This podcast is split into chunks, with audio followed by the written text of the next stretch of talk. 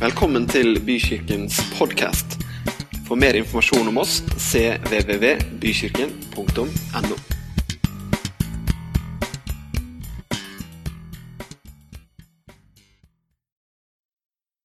Amen. Vi takker deg, Herre, for at du er midt iblant oss, som du har lovt, Herre. Takk for at du skal gi tanker og ord til mennesker i dag som vi kan ta med oss videre ut i livet og i tjeneste for deg, Herre. Det ber vi om i Jesu navn.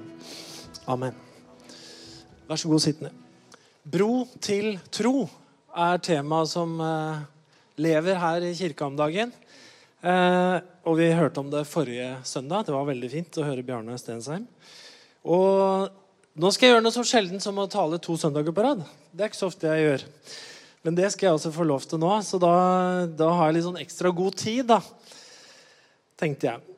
Eh, jeg tenkte i dag kanskje å ta en litt annen tilnærming til det temaet enn det jeg først hadde tenkt. Eh, fordi eh, det temaet her, bro til tro, det handler jo om det her med å dele troen. Det handler om å være et vitne. Det handler om å få mennesker fra den ene sida over den andre sida og finne troen på Gud. Da. Og det har jo sitt utgangspunkt i misjonsbefalingen med å gå ut i all verden og gjøre alle folkeslag, mennesker, til mine etterfølgere, til disipler. Og så tenkte jeg litt på det her og gått og tenkt og fundert litt på denne tematikken en stund. Og så merker jeg i meg sjøl, og så tenker jeg at jeg tror det er sånn for veldig mange at når vi bringer opp det temaet da, om å på en måte bli enda litt bedre til å dele troen og vitne og sånne ting, så tror jeg at veldig mange får en litt negativ følelse inni seg. Og den følelsen er en følelse av at eh, jeg burde jo ha gjort mer. Eh, er jeg flink nok til å være et vitne på arbeidsplassen? Har jeg grepet de mulighetene som er gitt til meg? Bruker jeg den plassen jeg har fått i venners liv, i kollegaers liv, til å vise dem til Jesus sånn som jeg egentlig burde? Så tror jeg kanskje ganske mange ganger at vi føler at eh, nei, nå gjelder det å ta rev i seila her. Nå gjelder det å her må, jeg nok, her må jeg skjerpe meg, egentlig, for at det skal bli litt mer greie på det her. Jeg vet ikke om du kan kjenne deg igjen i det. Det er noen som gjør det. det er fint. Og det blir jo litt sånn ut fra en sånn prestasjonstankegang. da. Har jeg delt tro nok? Og så videre. Og på sett og vis så er jo det her et av de temaene hvor vi aldri kan nå fram. Det kan aldri bli nok, da. For hvis du sier ja, så jeg har jo vitna nok, egentlig, i 2022 Det fins ikke noe tall på det. Det fins ikke noe mål på det. Ja, Hvor mye har du vitna, da? Nei, jeg har vel kanskje 10-12 kollegaer, da. Ja, jeg har tre, liksom. Ja, men 12, Så jeg sier meg ferdig for året, egentlig. Jeg er, jeg er, i mål, da. Jeg er fornøyd. Jeg har vært uf nå er jeg nok utadretta i år. Jeg har gjort mine kamper, liksom. Ferdig. Serien på tolv kamper er avvikla. Nå kan jeg slappe av off-season resten av året. Vi tenker jo ikke sånn. Fordi her det kan jo aldri bli nok misjon. Det kan aldri bli nok at man har vitna mange nok ganger eller delt tro nok eller har vært nok utadretta. Så ut fra en sånn, en sånn eh, hva skal vi si, prestasjonstankegang da, så kommer vi egentlig aldri fram her. Og det kan det være noen ganger. Når man hører gode nyheter, så hørte Bjarne han vitna jo om en god del sånne episoder han hadde hatt i sitt liv. Det var veldig fint det han delte, forresten. Han fortalte en del historier om mennesker som han har fått vitna for. Og, så videre. og Da fins det jo to måter å ta imot sånne ting på. ikke sant? Og Det ene er jo det så fint. Så bra. Det var flott å høre. Eller kan bli Ja, det hadde nok ikke jeg gjort. Ja, det har ikke jeg gjort, og den samtalen har aldri jeg fått. Ikke sant? Så kan vi bli trykt ned av et budskap som egentlig er godt. da. Men uh, jeg tror jo det, det som Bent Ove leste akkurat, at ved hjelp av Den hellige ånd så ble det stadig lagt nye mennesker til i forsamlingen. Og Det er så viktig at vi har med da, det her at ting er et verk av Den hellige ånd. Og da tror jeg også at eh, Den hellige ånd og måten Jesus gjorde det på, det var at eh, de gleda seg over det de hadde sett og hørt. Eh, de klarte ikke å la være å dele. ikke sant? Det fant en sånn veldig sånn positivitet da, under det vitnesbyrdet som vi ser sprer seg i en periode med, som ilden i tørt gress. ikke sant? Fordi at det, det var noe man ikke klarte å holde på. Det var noe som sprudla fram. Det var altså en positivitet da, som lå under der. Det var et overskudd. Et, en overskuddsenergi, en overskuddskraft. Eh, det er derfor det blei vitna så mye. Og så er spørsmålet da eh, Hvordan får vi tak i den positive, den derre overskuddskraften på å være vitne? For det tror jeg faktisk er ekstremt viktig at man får tak i.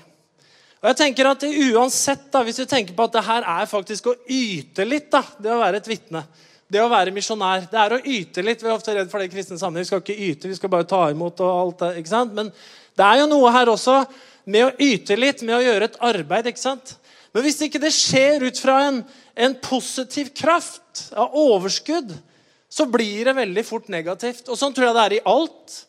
Det gjelder i livet, altså det gjelder i familielivet vårt, det gjelder i i jobben vår, det gjelder i business, det gjelder i sport. ikke sant? Vi yter best når vi er positive, når vi har overskuddsenergi, når vi har positive tanker, når vi er glad.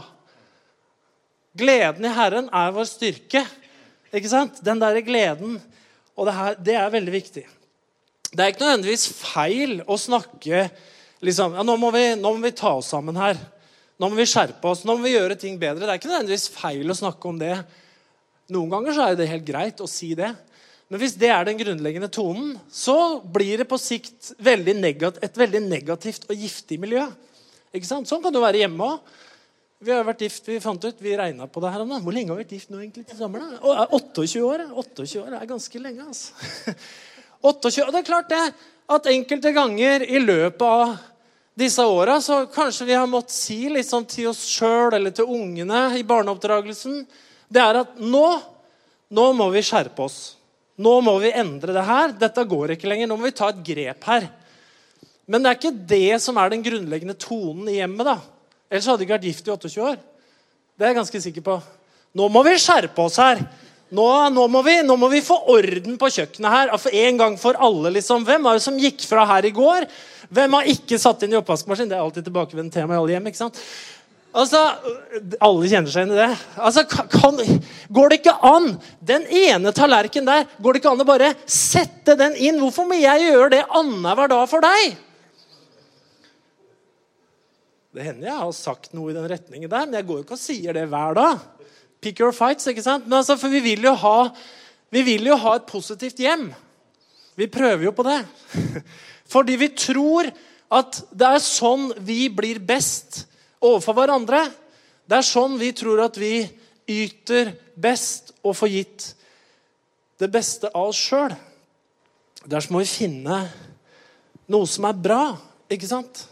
Vi må finne noe som vi må få skrudd på noe som er positivt. Er du med? Eh, så Og det her er veldig det er veldig interessant. Det er med å skape et positivt miljø som vi har lyst til å ta med folk på. Det er veldig interessant. Jeg er jo, eh, jeg er jo litt idrettsinteressert. Og jeg har, vært, jeg har vært trener de siste I ni år har jeg vært trener. Ikke i år, da. Men jeg har vært trener i ni år. Og da, det, det, da skal vi prestere, da. Og I ishockey er det tre perioder det som jeg har vært trener i. Og da får du to pauser. ikke sant? Og da er jo det her hva som skjer i en gruppe når man ligger under. Når man taper. Det er interessant. Første periode. Man møter et lag som kanskje du er like god som. Du har like gode ferdigheter. Du har like bra forutsetninger for å vinne. Og Så går det andre laget, og så leder de 3-0 etter første periode. Og Da skal du inn i garderoben, og så skal du kjenne på stemninga. Ja, folk henger med huet. Folk kjefter på hverandre. Herlighet, altså. De er, der bekkene er så dårlige. De får ikke én pasning oppover. ikke sant? De gjør feil hele tida. Og de bekkene, vet du, de er de løperne. De er aldri i posisjon til å ta en pasning. De gidder jo ikke å gå på skøyter. De står jo der oppe og tror at de skal få sjanser. Og så har vi det gående. ikke sant? Og da kommer du til å tape i andre omgang òg. Så da må man jo prøve å snu det her, da. Du må finne det positive. Du må finne noe som er bra. Du må prøve å si 'Vi er egentlig bedre'. Vi er det. Og du må tro på det. Vi er bedre. Vi kan vinne det her. Vi trenger ett mål. Vi trenger én sjanse. Ikke sant? Så må dere slutte å kjefte for hverandre. Og så får man et mål, og så snur stemninga. Og så kan man jo gå og snu en kamp. da. Og det er jo det vi må gjøre som kirke noen ganger òg. Vi må snu matchene. Ikke sant? Hvis det er en sånn negativ greie inni oss, for det er det som er det verste Når vi er negative inni oss, så blir vi negative mot de som er rundt oss. Og så har vi den klassiske som du har i idrett, som du har i business, som du har i familie, som du har i kirke. Spillerne skylder på treneren, treneren skylder på spillerne. Forsamlingen skylder på pastoren, pastoren skylder på forsamlingen. Hva sier trenerne? Jo, trenerne de snakker jeg mye med. De kommer etterpå. Altså, det gikk så dårlig. Altså, De gjør jo ikke det jeg sier. Altså, Jeg sier vi skal gjøre det og det og det. Vi har en gameplan. Hva gjør de? De gjør det stikk motsatte.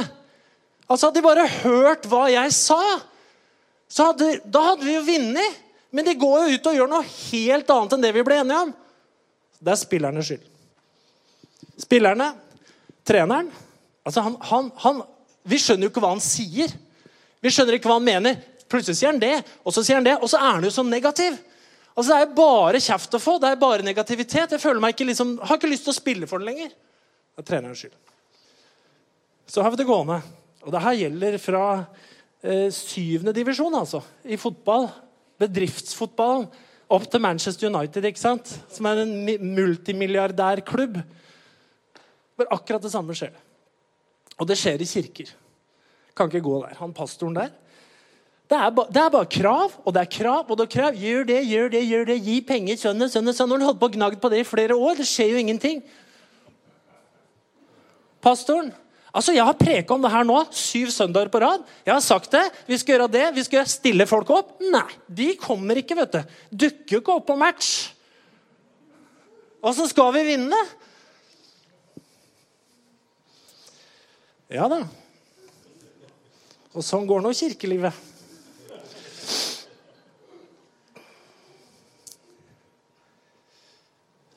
Men uansett, da Hvis man skal levere noe som er bra, det beste av oss sjøl, så må vi ha et positivt fundament.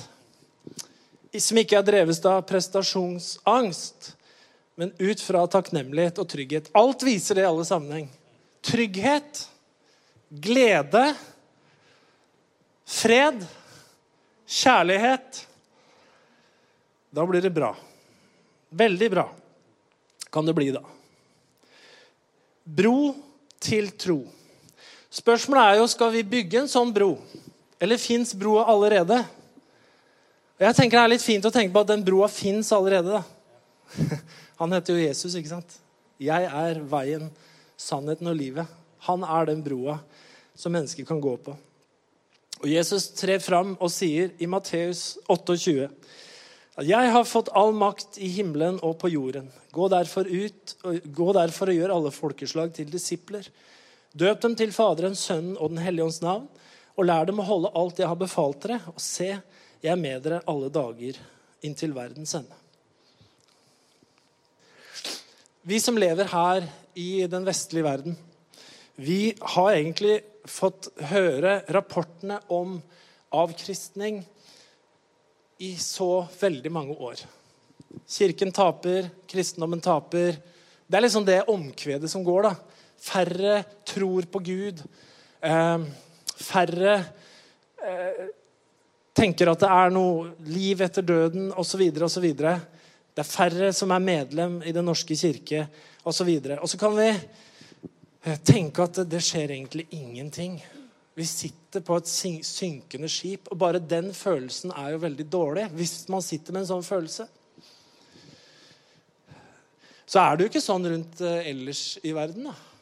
Europa er jo litt sånn unikt. Det vet vi også, sånn teoretisk. Men jeg tror at det, det kan gjøre noe med oss, da. Rent sånn med troa vår i forhold til å gå ut i all verden og være, dele trua vår. Vi burde jo ha gjort mer. Men jeg har litt lyst til å fokusere på eh, det vi faktisk gjør. Og det vi faktisk har. Fordi at det, det, er veldig lett å tenke at man har mye mindre enn man egentlig har. Det er veldig lett å glemme alt det fine vi har rundt oss. Og det er veldig lett å glemme hvor, eh, også hvor, eh, hvor mye mer takknemlig vi burde være for hverandre og for det vi har rundt oss. For å ta et bilde fra, fra idretten. da. Igjen, dette med lag. For vi er et lag. Kirken er et lag. Det er flertall. Og det er jo, det er jo han spilleren ikke sant, som, som, er så sur på medspillerne sine. Ja, han der, altså. Åh, er så dårlig. Får jo aldri til noen ting. Og, ikke, og hun og, og han og, altså, øh, Ikke sant?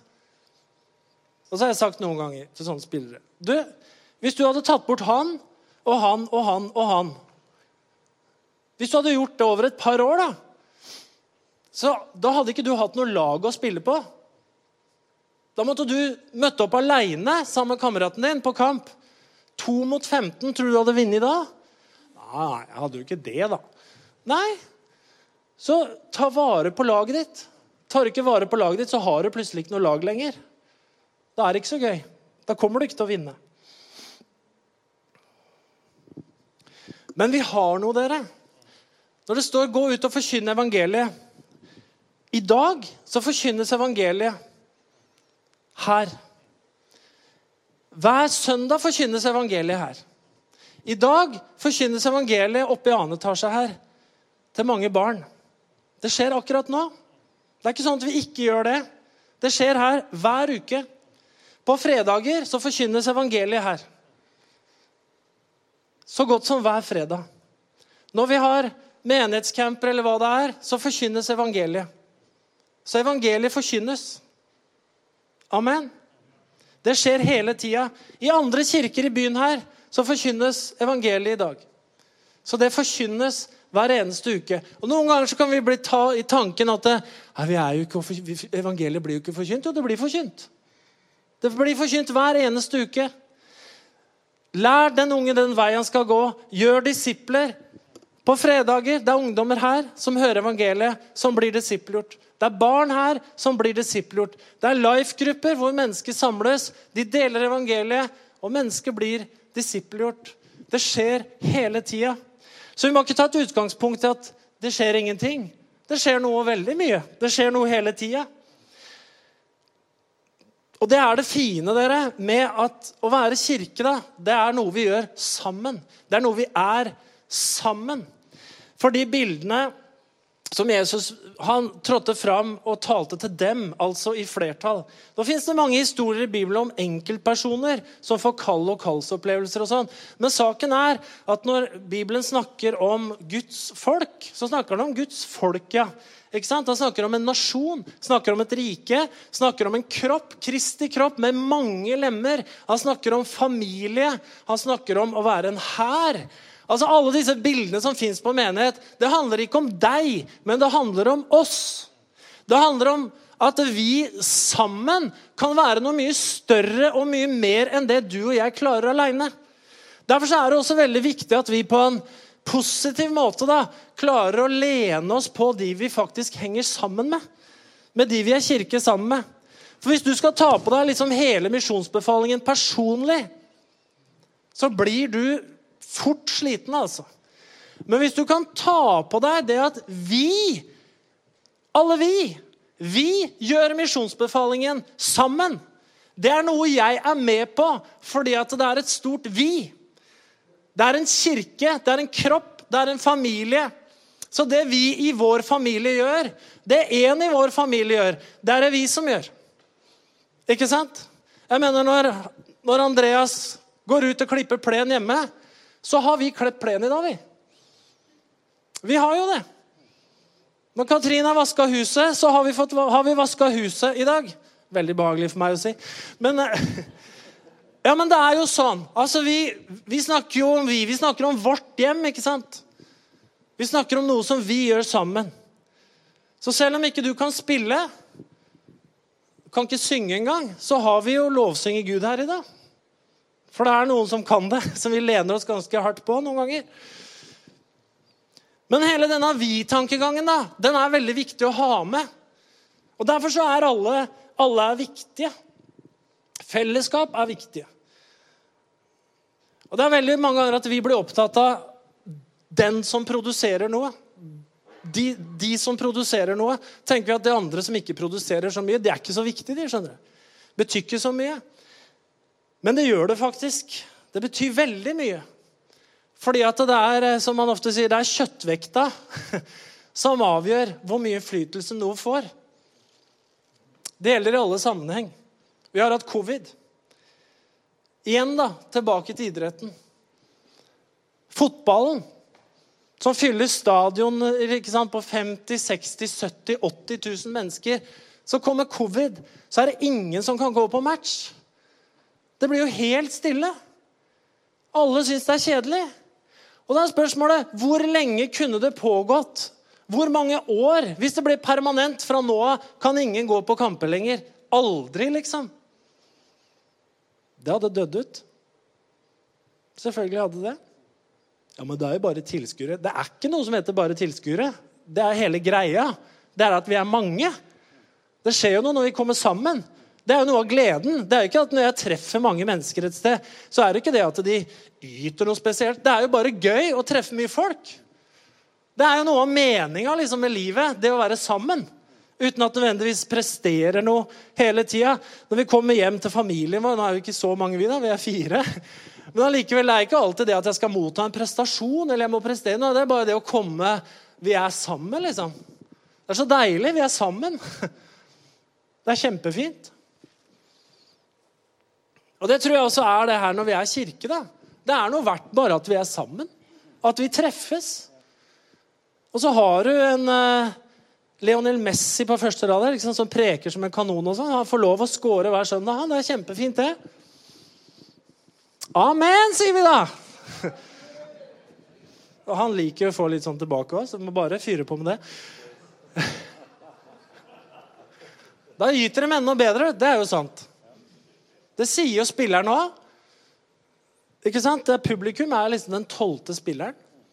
Hvorfor det? De gjør jo ingenting annet enn å stå og bare å, å, fotball, å, å, å. Ikke sant? Står de der og synger de rare fotballsangene sine. Men det løfter jo de her elleve som er utpå der. Bare fordi det er folk der, rett og slett, som heier. og Det blir positivt. Synger litt, da. Synger falskt, da. Det gjør ikke noe. De synger i hvert fall. Det er mye bedre enn stillhet.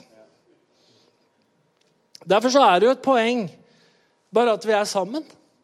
At vi er mange. At det er positivt. Det er faktisk et kjempeviktig poeng.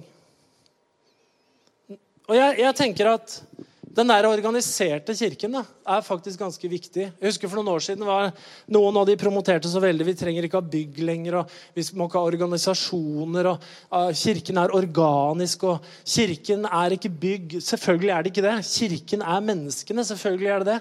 Men altså, hvor er de da, da? Det er jo ingenting igjen. Skal, alt skal være så løst, ikke sant?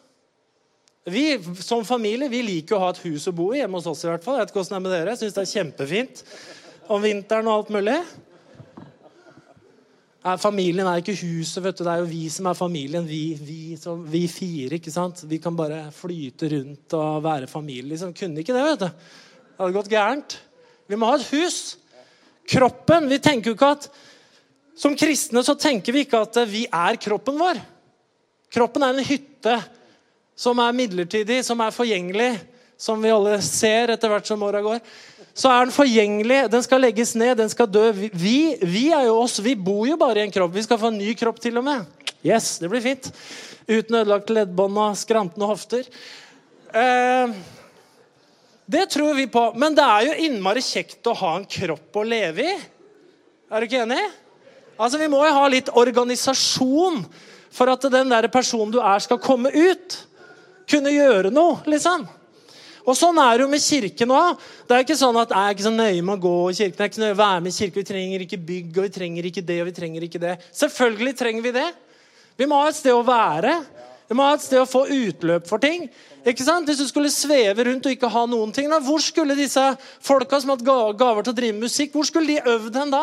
Kenneth? Hvor skulle de øvd hen da? Hvis det ikke var masse rom her og, og greier. Vi må, ha, vi må, jo ha, en organisasjon. Pris være Gud for organisasjon, altså. Ja, men seriøst, vi må ha det, altså. Og det er bare positivt. Sånn at vi kan Vi kan komme et sted, og noen ganger så bærer vi Kirken, og andre ganger så er det Kirken som bærer deg. Ikke sant? Sånn er det. Jeg har jo vært sånn vært pastor og sånn. Og kjent at noen ganger så bærer du Kirken. Det kjenner jo han på sikkert ganske mye. Man bærer Kirken. Og noen må jo gjøre det. Mer enn andre. Sånn er det jo. Men andre ganger så er det veldig godt å kjenne at Kirken bærer faktisk meg. Fordi vi er mange. Vi er noe til sammen.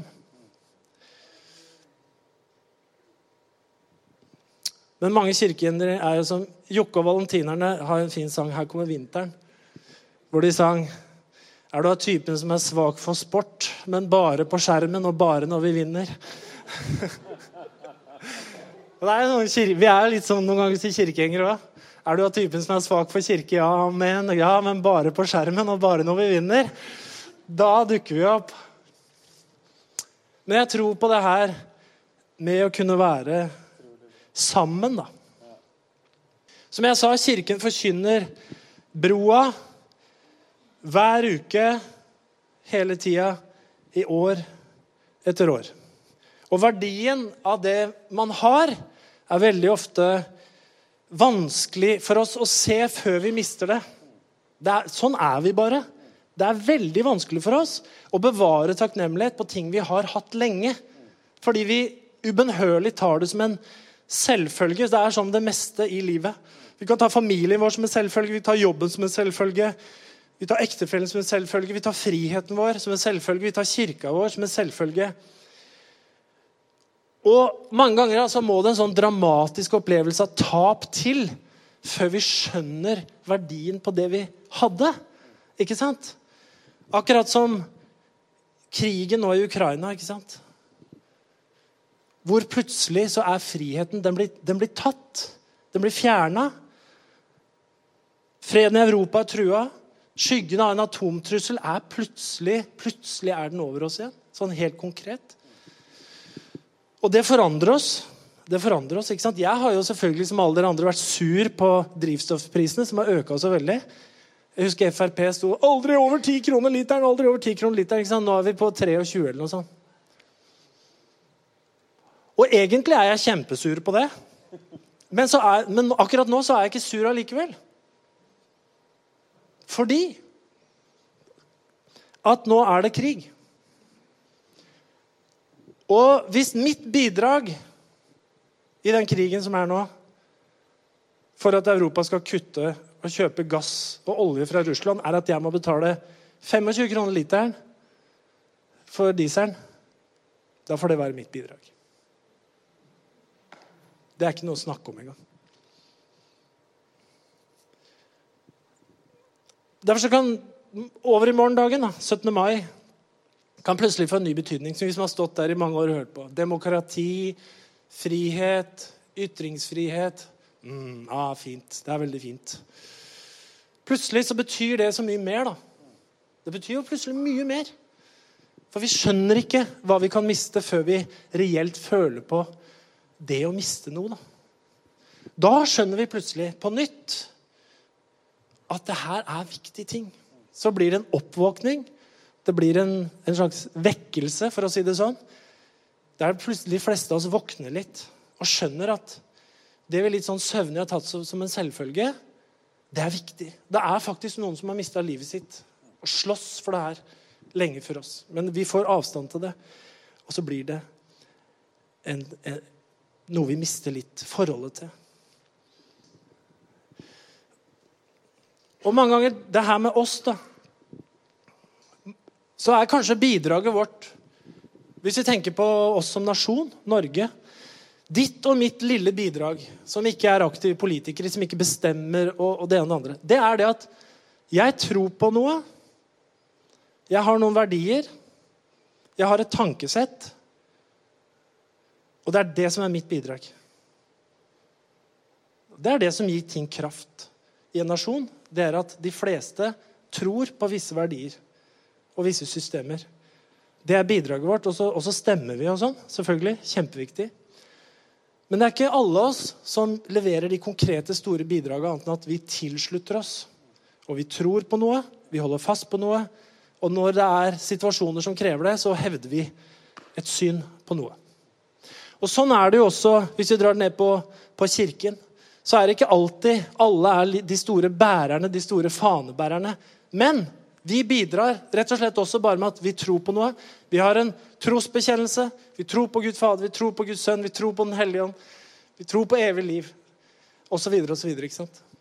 Og det tenker du kanskje det er helt ubetydelig for at uh, menigheten forkynner evangeliet, men det er ikke det. Det er det som gjør at vi er det vi er. Det er det som gjør at kirken har bestått i 2000 år. Tenk deg om det plutselig ble forbudt å møtes til gudstjeneste for alltid.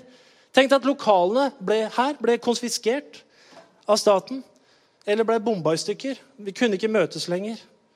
Og så videre. hva, hadde, hva hadde skjedd med oss da? Hvordan hadde vi reagert da? Hvor mye hadde vi verdsatt det vi tar som en selvfølge da? Da hadde, vi, da hadde det skjedd noe med oss. Helt sikkert. Og Det er jo sånn det er i andre land under, den undergrunnskirka i Kina. Ikke sant? Vi har hørt vitnesbyrd fra folk der som har vært og vitna. Vitner som har vært i fengsel i årevis. Og så, og så er det helt umulig å sette seg inn i da, hvordan man kan sitte i fengsel i 30 år, bevare troen og være vital fortsatt. Jeg husker ikke hva han heter engang, men var jo, han var jo her i Norge, her i lokalet her, og vitna for mange år siden. Han har stort sett sittet i fengsel og var en levende kraft ikke sant, på å forkynne evangeliet på forskjellige måter. Hvordan, hvordan, kan noen komme i en sånn tilstand hvor de klarer det? Det er umulig for oss å skjønne. Før du er i en sånn situasjon, så skjer det noe med deg. ikke sant? Hva med disse her soldatene som er i dette jernverket nå? Hvorfor har de ikke overgitt seg? Nei, de har bestemt seg, det. Vi blir her til vi dør. Vi er ferdig snakka. De gjør det. De har gjort opp med seg sjøl, det er jeg helt sikker på. Surrender is not an option. Vi er, vi er ferdig. Men det skjer ofte i tider av kriser. Da. Derfor så må vi prøve allikevel å være takknemlige for det vi faktisk har. Og ha det som et positivt utgangspunkt for det her. Det store vi-et.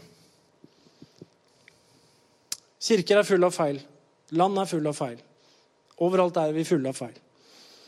Det var artig, Vi så på et sånt arkitekturprogram, og da var det om Stavanger domkirke. Den var 900 år. ikke sant? 900 år nå lagd av lokal stein. Og så sier de at det, den gangen så var det ikke arkitekter, det var håndverket som gjorde det her. De var veldig opptatt av å gi ære til Gud, disse håndverkerne som bygde kirkene. Det var ikke bare et bygg som skulle opp. liksom. Det var, dette var til Guds ære. Da Og så sier de at det, da går det bortover, og så er det litt skeivt. Med vilje. For det skulle symbolisere at vi kan ikke lage noe her på jorda som er perfekt. Det blir noen skavanker. Det skal være litt skeivt, for det er bare hos Gud i himmelen at noe kommer til å bli perfekt. Noensinne. Da. Det er litt fint å ha med seg. Her er jo alt rett, da, som vi ser. Men, men altså, selve tankegangen er veldig fin, da. Hvordan skal vi spre evangeliet? Hvordan kan vi være en bro til tro? Når jeg var ung, så fikk jeg, fikk jeg en veldig sånn, sånn kallsopplevelse. Og jeg fikk også samtidig, også gjennom forkynnelsen jeg hørte, en veldig sånn personlig byrde på at jeg måtte redde verden, liksom, for å si det litt sånn banalt. da. Hva jeg måtte gjøre. Og jeg tror jeg kan si at jeg har stanga veggen altfor hardt. Ikke stanga veggen, stanga huet i veggen. Altfor hardt mange ganger fordi at jeg har tatt meg et, bare et personlig ansvar som har vært eh, litt feil.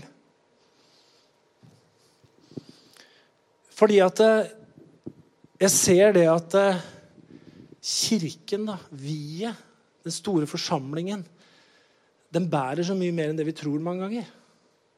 Det var jo den katol Katolikkene sier jo det. ikke sant? Altså, det, det er skjedd så mye rart opp gjennom historien. Det er bare check, check, check. Så mye rart det har vært. Og det var En prest han sa det, vi har gjort veldig mange forsøk på å ødelegge kirken. Men Gud har på en eller annen måte klart å bevare den. Men jeg var veldig fokusert på hva, hva skal jeg gjøre?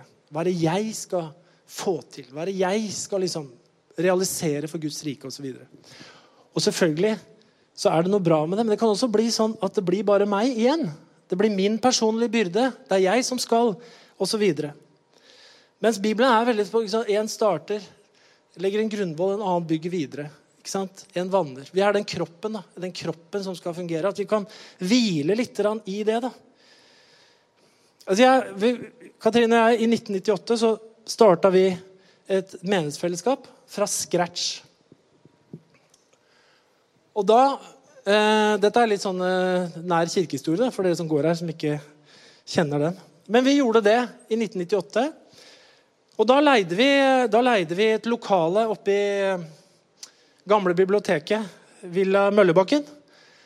Det var ikke pussa opp engang. Det så ikke ut i hovedstua der. Nå er det jo fint der. Men da og da, det husker jeg, jeg husker første møte der. Vi hadde, vi hadde ingenting. Hadde ikke sånn uh, talerstol engang, eller kartbord, som uh, Jack kaller det en eller annen grunn. Uh, men jeg hadde Jeg skulle preke, husker jeg, så fant jeg en pidestall. Du vet sånn du har blomsterpotter oppå. Den var ca. like stor som den der iPaden her på toppen. Det er akkurat plass til Bibelen. Det var det, altså. Jeg tenkte bare Tenk å ha et lydanlegg. Da. Er det noen her som kan spille gitar? Tenk om det er noen som kan spille gitar, da, som dukker opp her. Dukka de opp? Noen som kunne synge litt og sånn. Og så kommer Jack, da. Jack Olsen. Reis deg opp. Reis deg opp, Jack. Rett og slett. Han, han var jo liksom egentlig den første frivillige som dukka opp der. da. Jeg spurte er du her, sa jeg. Ja, ja, så hyggelig. Jeg har hørt det var så mye drittslenging om det, så jeg tenkte at dette må jo bli bra. Så da går jeg her, sånn. Ja, ja, det var En fin motivasjon. Takk skal du ha, Jack. Eh, og så sier han at eh, han kunne jo godt eh, rigge og bære litt, da. Så vi fikk kjøpt noe lydgreier, tror jeg. Så han var, Og siden har han jo gjort det. Ja, men takk og lov, altså. Han går fortsatt med hadde fått skilt. Vi hadde ikke skilt den gangen. men skilt og greier. Sertifisert møtevert. Men, men, så tenk å ha lovsangsteam. Da. Tenk å ha trommer. Da. Tenk at noen kunne spille bass. Tenk å ha hatt liksom, musikk. Tenk å ha hatt noen som kunne stått i døra og sagt hei til folk. Tenk å ha hatt lokale, da. Altså, Vi hadde jo ingenting. Absolutt ingenting. Ja, Så er det en lang reise derfra. Men så kom jeg hit i dag, da. Bent Ove spør kan du tale på den og den gudstjenesten. Ja, jeg kan tale. Det er greit. Hva gjør jeg? Jo, jeg forbereder meg til å tale. Jeg gjør ikke, jeg gjør ikke noe annet. Det var sånn der eh, melding inn da, på app. ikke sant? 'Accept uh, preacher assignment' eller et eller annet sånt. Jeg aksepterer å være predikant. Og Neste dag så kommer det app med liste på alt som skjer. da, Alle som gjør alt mulig. Alle ansvarsområder. og Musikere sånn og sånn. Den sangen. Møtevert, teknikere. Dette, dette, dette, dette, Og jeg bør ikke gjøre noen ting. Og Jeg kommer inn her på søndagen og har forberedt min preken. Og liksom Her er det masse folk som har gjort alt mulig. Har øvd og holdt på og rigga. Og Kenneth, ikke sant? Og lyd, og det er folk, og jeg bare kan skli inn her. Alt er lina, liksom. Det er helt fantastisk. Ja, det er jo det. Barnearbeidere. Det er så lett å ta ting som en selvfølge, da. Vi må jo sette litt pris på ting, dere. Bare være et vi, da. Rett og slett. Og altså budskapet vi, vi, vi, vi, er med på denne broa, peker på den broa. Og vi har gjort det ganske lenge, og vi skal fortsette å gjøre det. Vi skal fortsette å gjøre det. Og så tenker jeg Kanskje det var litt sånn rar inngang til det temaet. Men hele, noe av poenget mitt er det her at vi må, vi må tenke, som Bjarne snakka litt om forrige gang òg, at jeg kan gjøre mitt. Du kan jo gjøre ditt. Ikke sant? Men summen av det vi gjør, som Bjarne snakka om sist Du vet aldri når muligheten kommer. da. Når den samtalen kommer, det vet du aldri. Men det, det kommer naturlig. Jeg tror veldig på det. Og så er det noe med det at når en i familien her har gjort noe, så er det vi som har gjort det. Ikke sant? Vi må kunne tenke den herre kroppen som gjør ting sammen, da, og som er noe mer enn det vi kan være aleine. Rett og slett. Og det syns jeg er så utrolig fint. For vi trenger ikke et, et sånn giftig, negativt miljø. Hvor, det har vi ikke, altså. Vi en, hvor vi har en coach som står og spyr eder og galle. Det er ulike sånn uh, trenerfilosofier. ikke sant? Du har liksom disse demontrenerne da, som går inn og slenger vannflasker i veggen og skjeller ut spilleren og hyler på dem. ikke sant? Så får de det faktisk til å gjøre det veldig bra da, rett etterpå. Men de varer ikke lenge. vet du. Folk blir helt dørslitne av det. Du sitter jo i angst ikke sant, hver gang det går dårlig. Og så yter du dårligere og dårligere. Nå har ikke vi en sånn coach her. vi har ikke en sånn pastor. Jeg er veldig glad for. Men vi må hjelpe hverandre til å, å, å snakke godt om ha, no, ha, et positivt fellesskap. For det har vi lyst til å, det har vi lyst til å ta med folk på, rett og slett. Og det er sånn med idretten òg. At ja, skal du på kamp, eller? Nei, jeg gidder ikke å dra. Det er så lite folk der for tida. Ja, Hvis du ikke kommer, så blir det enda færre. da. Hvis alle tenker sånn. Jo, jo, ja, ja, ja. Men det er lite folk der, ikke sant? Gidder ikke å komme. Ofte så drar ikke folk fordi det er så bra kamp. Er, de, de, drar jo bare fordi det er mye folk. Det er jo noen her i salen uten å peke ut navn, som drar til England for å dra på fotballkamper. Bruker penger på det. Ja, eh, drar, hvorfor drar de på fotballkamp til England? Jeg tror det er helt likegyldig om det laget vinner eller taper. Det er for å være der alle folk er. Det er så mye folk på kamp, skjønner du. Så jeg tror litt på det, da. Dette her å se det her viet og ha et positivt fellesskap hvor, man kan, hvor det er attraktivt å komme. Hvor du er viktig. Veldig, veldig viktig. Da skal jeg runde av, men jeg bare Vi er familie. Vi er kropp. Vi har forskjellige funksjoner. Vi gjør ulike ting. Vi er her. Vi har mange avdelinger. Folk gjør ulike ting. Og vi det betyr noe at vi er her, dere. Noen ganger så bærer Kirken oss, andre ganger så bærer vi Kirken. Og det syns jeg er kjempefint. At vi kan gjøre det. Og vi forkynner evangeliet. Det skjer hele tida. Og Guds rike har framgang. Mange steder i verden, også i Norge, så kommer folk til tro. Og, og vi skal heller ikke se ned på at barn og unge som vokser opp, finner troen. Det er ikke bare de som omvender seg som 40-åringer, som er verdt noen ting. Barn og unge som finner troen, som vokser opp i en kirke, som har barnearbeid, har ungdomsarbeid, det er akkurat like mye verdt som en voksen som vender om. Herre, lær oss å gå på dine veier. Og lær oss å se stort på din menighet, på din kirke, Herre. Lær oss å se hverandre som verdifulle lemmer på denne kroppen som vi alle er en del av. Noen gjør oppgaver som er veldig synlige. Noen gjør oppgaver som er kreative. Noen gjør oppgaver som ikke er så synlige, men som er så viktige Herre, for at denne kroppen skal henge sammen. At dette store viet skal fungere, Herre. Og om vi er i en fase av livet hvor vi blir båret av Kirken, så takker vi deg, Herre, for at vi kan få lov å være i den tida av livet vårt, Herre. At vi kan hvile i det. At vi kan få lov å være der, på den plassen akkurat nå, Herre. Og Jeg takker deg også, Herre, om vi er et sted hvor vi kjenner at vi bærer Kirken hvor vi er med å bære, Herre, så vil du også gi oss bare nåde til å være med og bære. Og finne gleden i det, Herre. La oss ikke bli frustrert over andre som er rundt oss, men la oss være takknemlige. Og la oss være glade for at vi har et fellesskap, far. I Jesu navn. Så takker jeg deg, Herre, for at du er her som en bro som vi kan vise vei til, Herre, fram til Gud. I Jesu navn. Amen.